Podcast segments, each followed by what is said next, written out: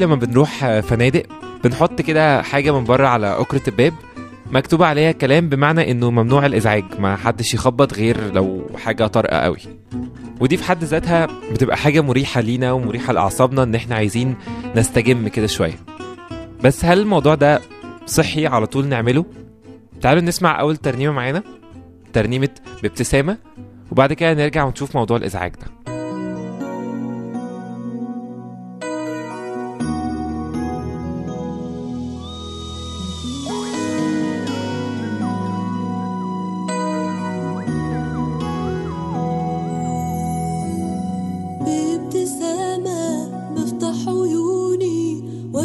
يومي الجديد معاك. ده انت صنعته وبدأته. علشان أفرح في وياك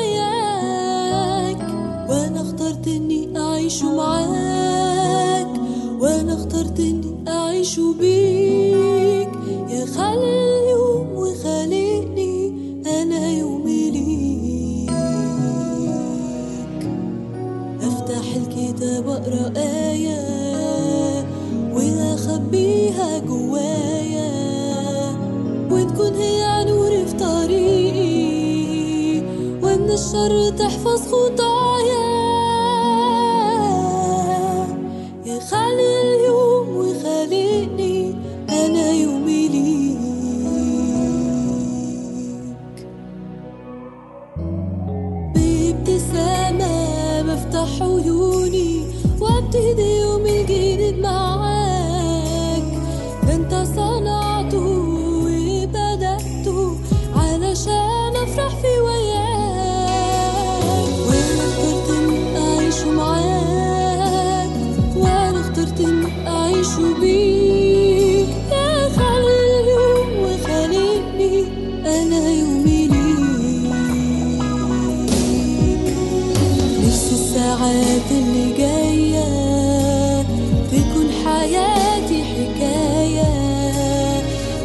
حبك للي معايا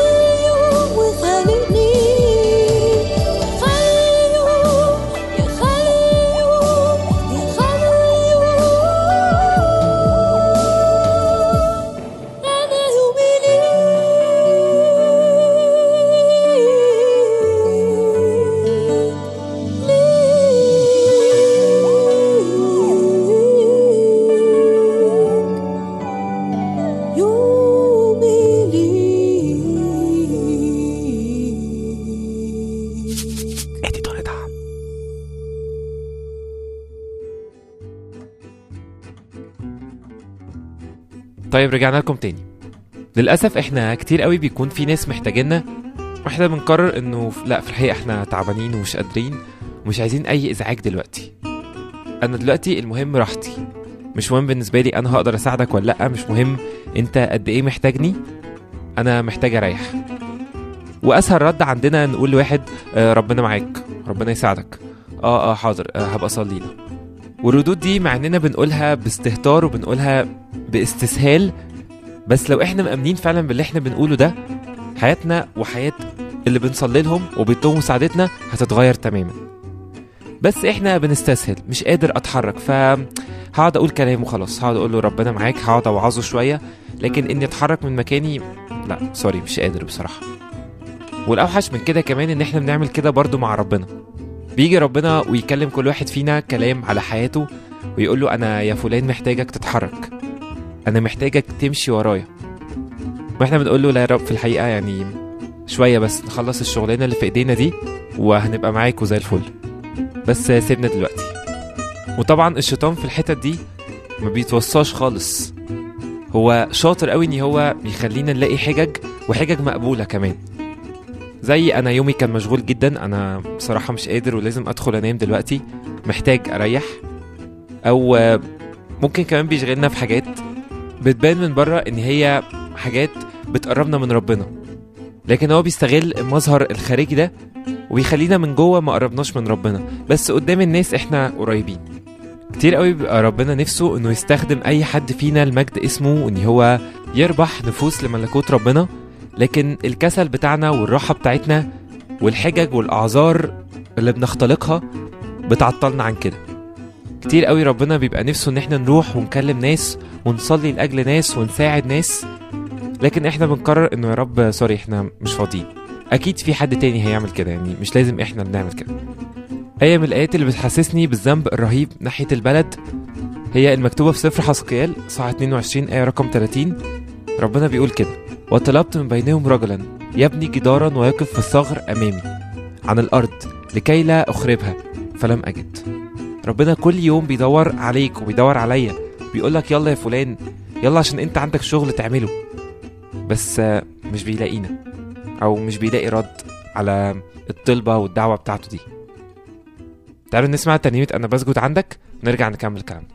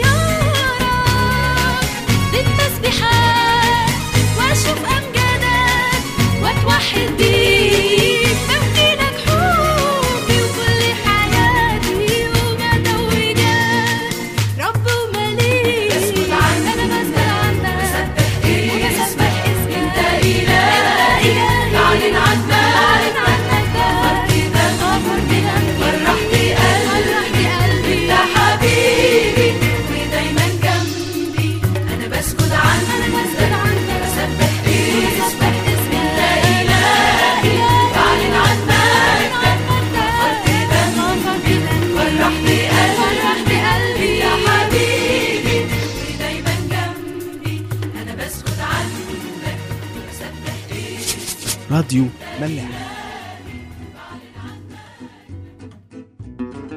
طيب رجعنا لكم تاني. قصة كده مكتوبة في الكتاب المقدس بالظبط في سفر العدد إصحاح تسعة. ما كنتش واخد بالي منها خالص. هي بتتكلم على بني إسرائيل. أول ما خرجوا من مصر وإن هم المفروض بقى ربنا بيقول لهم أنتوا هتدخلوا أرض الموعد والأرض دي أرض حلوة قوي وأرض جامدة. بس أنتوا امشوا ورايا واحفظوا الوصايا والفرائض اللي أنا بقول لكم عليها. وكان ربنا ليه طريقتين في إنه يظهر لهم من خلالهم. أول طريقة منهم كانت سحابة وتاني طريقة كانت عمود نار. طيب تعالوا نعرف أكتر ربنا إزاي برضو كان بيتعامل من خلال السحابة. بمنتهى البساطة السحابة دي كانت بتمشي وتقف ملهاش علاقة بأي حاجة تانية في الجو هي كده حاجة استثنائية. أول ما السحابة دي كانت تتحرك لازم كل الشعب يتحرك ورا السحابة. أول ما السحابة تقف فهم هنا بيفهموا إن ربنا عايزهم يعسكروا في الحتة اللي السحابة وقفت فيها دي. يمكن وأنت دلوقتي قاعد بتسمع الحلقة على الموبايل أو اللابتوب أو الكمبيوتر بتاعك فأنت حاسس إنه الكلام منطقي وكلام سهل. أيوه طبعا لازم أول ما سحابه تتحرك ودي العلامة فلازم كل الشعب يتحرك. بس الشعب بقى اللي إحنا بنقول عليه ده كان كام مليون كده؟ ما كانوش 10 15 100 ألف واحد كده يعني. كانوا عدد. فالملحوظه المهمة جدا إنه شعب إسرائيل كان جاهز إنه يتحرك في أي وقت. ما عندهوش مشكلة. وزي ما قلت لكم في الأول السحابة دي كانت حاجة استثنائية. يعني كانت سحابة مخصوصة ليهم هم. السحابة دي كانت مرات بتقف أيام كاملة. وهم يعسكروا أيام كاملة مستنيين السحابة تتحرك. ومرات السحابة تتحرك يوم وتمشي اليوم التاني وتقف في يوم تالت. السحابه من الآخر كده ملهاش نظام معين. بس الجميل إنه بني إسرائيل كانوا مستعدين في أي وقت إن هم يتحركوا.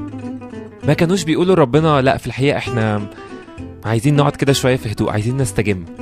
ما كانوش بيحطوا اليافطة اللي من بره دي اللي بتقول ممنوع الإزعاج. برغم كل خطيتهم برغم الحاجات الوحشة قوي اللي إحنا عارفينها عنهم في الفترة اللي هم كانوا خرجوا من مصر لحد وصلوا أرض الموعد وبعد أرض الموعد. بس الحتة دي اللي بنتكلم عليها فهي حاجة إيجابية وتحسب لهم.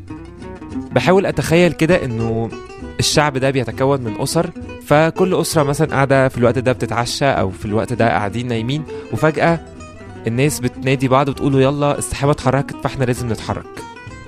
تفتكروا كان بيبقى إيه مشاعرهم؟ مش نفسهم يريحوا؟ مش نفسهم يقعدوا ويقضوا وقتهم براحتهم؟ زي ما إحنا بالظبط بنعمل. بس للأسف هم طلعوا أشطر مننا في الحتة دي. هم برغم أي حاجة وحشة فيهم كانوا بيقوموا أول ما السحابة بتتحرك. ايا كان بقى ده الساعة 4 الصبح الساعة 2 الظهر وقت برد وقت حر مش فارقة معاهم. لكن للأسف إحنا اللي عايشين في الجيل ده وفي الوقت ده حاجات كتيرة قوي بتلهينا حاجات كتيرة قوي بتشدنا فإحنا لازم نقف وقفه مع نفسنا. إحنا بنمشي ورا مين؟ إحنا مين المتملك على حياتنا؟ إيه أكتر حاجة وقتنا بيضيع فيها؟ هل ربنا لما يجي يقولك يا فلان يلا قوم أنا عايزك تشتغل في حاجة مهمة لازم تعملها. بتقوله لا يا رب الوقت متأخر. معلش أنا قاعد دلوقتي شوية مع صحابي. أنا عارف إجابة السؤال ده إن هي آه بعمل كده. لأن إحنا كلنا بنعمل كده. بس تعالوا نحاول إن إحنا أول ما نسمع صوت ربنا نقوم على طول. ما نستناش. تعالوا نسمع ترنيمة من الأعماق. ونرجع نكمل كلامنا.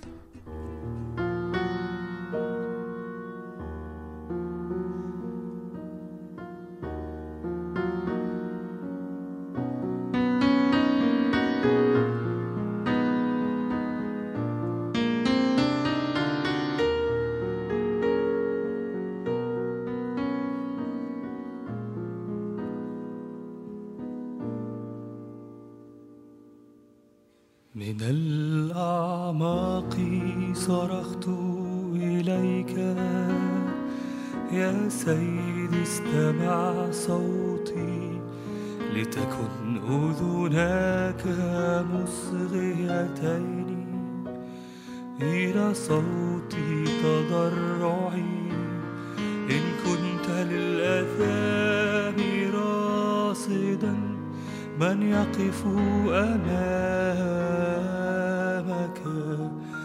فإن عند الرب الرحمة وهو يفتديك من جميع أثامك إن عنده المغفرة والحنان.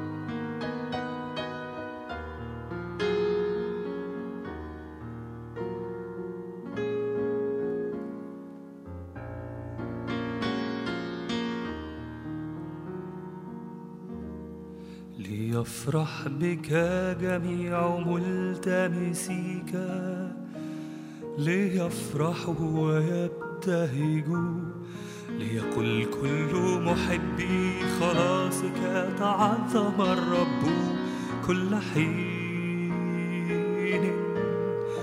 إني فقير مسكين فأسرع إلي يا إلهي.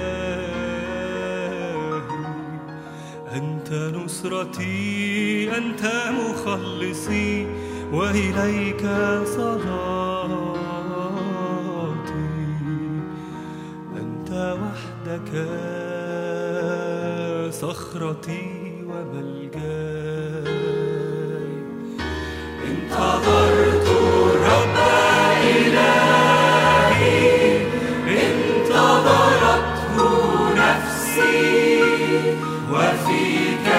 Magnificat.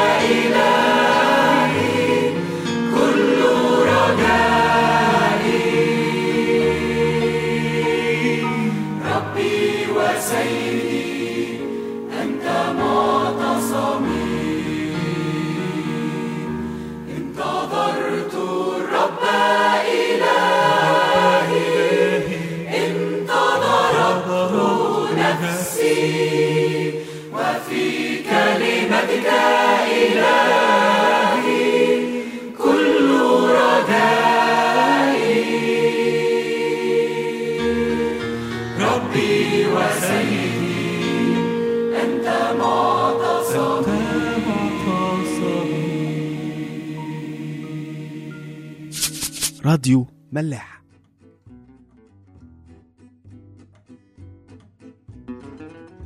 طيب رجعنا لكم تاني.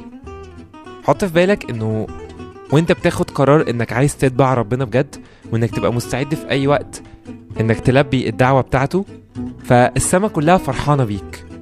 السما والقديسين والملايكة ويسوع وكل الناس اللي يهمهم أمرك مبسوطين بيك قوي. بس في واحد مش عاجبه أي حاجة من اللي بتحصل. وهيموت ويعمل أي حاجة ويخليك ترجع عن قرارك ده. أو لو أنت اوريدي بتعمل كده وإن أنت تابع لربنا هيبقى نفسه إن هو يوقعك بأي طريقة ويحسسك إنك مش محتاج أصلا الكلام ده كله. أنت كويس. وده اللي ربنا قايل عليه في سفر الرؤيا صح 3 من أول آية 16 لحد آخر الإصحاح. هكذا لأنك فاتر ولست باردا ولا حارا أنا مزمع أن أتقيأك من فمي. لأنك تقول إني أنا غني وقد استغنيت. ولا حاجة لي إلى شيء. ولست تعلم أنك أنت الشقي والبأس وفقير وأعمى وعريان. أشير عليك أن تشتري مني ذهبا مصفى بالنار لكي تستغني وثيابا بيضا لكي تلبس. فلا يظهر خزي عريتك. وكحل عينيك بكحل لكي تبصر. طيب باختصار هو ده اللي الشيطان بيعمله مع أي حد فينا. سواء أنت أوريدي ليك علاقة مع ربنا وتابع ليه وفي أي وقت مقرر إنك هتمشي وراه أو إنك أخدت قرار إنك عايز تعمل كده بس لسه ما ابتديتش. هيجي يحسسك إنك كويس وإنك مش محتاج تعمل كده. إنت كويس وإنت زي الفل. بس ربنا بيقول للي حاسس نفسه كويس إنت وحش جدا. إنت فقير. إنت عريان. إنت أعمى. بس في نفس الوقت هو بيقول لكل واحد فينا يلا قوم أنا مستنيك. أنا هعمل بيك حاجات كتير قوي بس إنت خد القرار إنك هتسمع صوتي. وإنك أول ما تسمع هتتحرك. سفر أشعية صح 43 آية رقم 19 ربنا بيقول كده. ها أنا ذا صانع أمر جديد. الآن ينبت. ربنا صانع أمر جديد. ربنا عايز يصنع معجزات عايز يصنع نهضة عايز يسكب روحه القدس. بس هو عايز يعمل كده بينا إحنا بيا وبيك. ولو أنت شايف نفسك ما تصلحش ومش من الناس بتوع الكنايس اللي هم على طول 24 ساعة في الكنيسة ومؤتمرات واجتماعات وصلاة ومش عارف إيه والكلام ده كله. فأنا عايز أقولك يبقى أنت أكتر واحد تصلح. لأنه ربنا بيحب يشتغل في الناس الغلبانة اللي ملهاش في حاجة اللي هي طالباه هو وبس. مش فارق معاها المظاهر الخارجية دي. وخليك فاكر كويس قوي ان هو لما جه يختار تلاميذ ما اختارش ناس من جوه المجمع أو الكنيسة زمان. اختار ناس من عامة الشعب زي ما بنقول.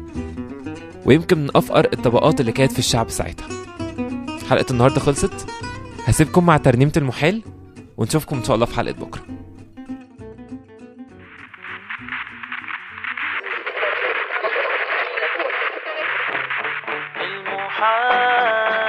المحال يصبح معك عادي والجبال الشمع وانت بتنادي. المحال يصبح معك عادي. والأسوار تنهد باسم الفادي.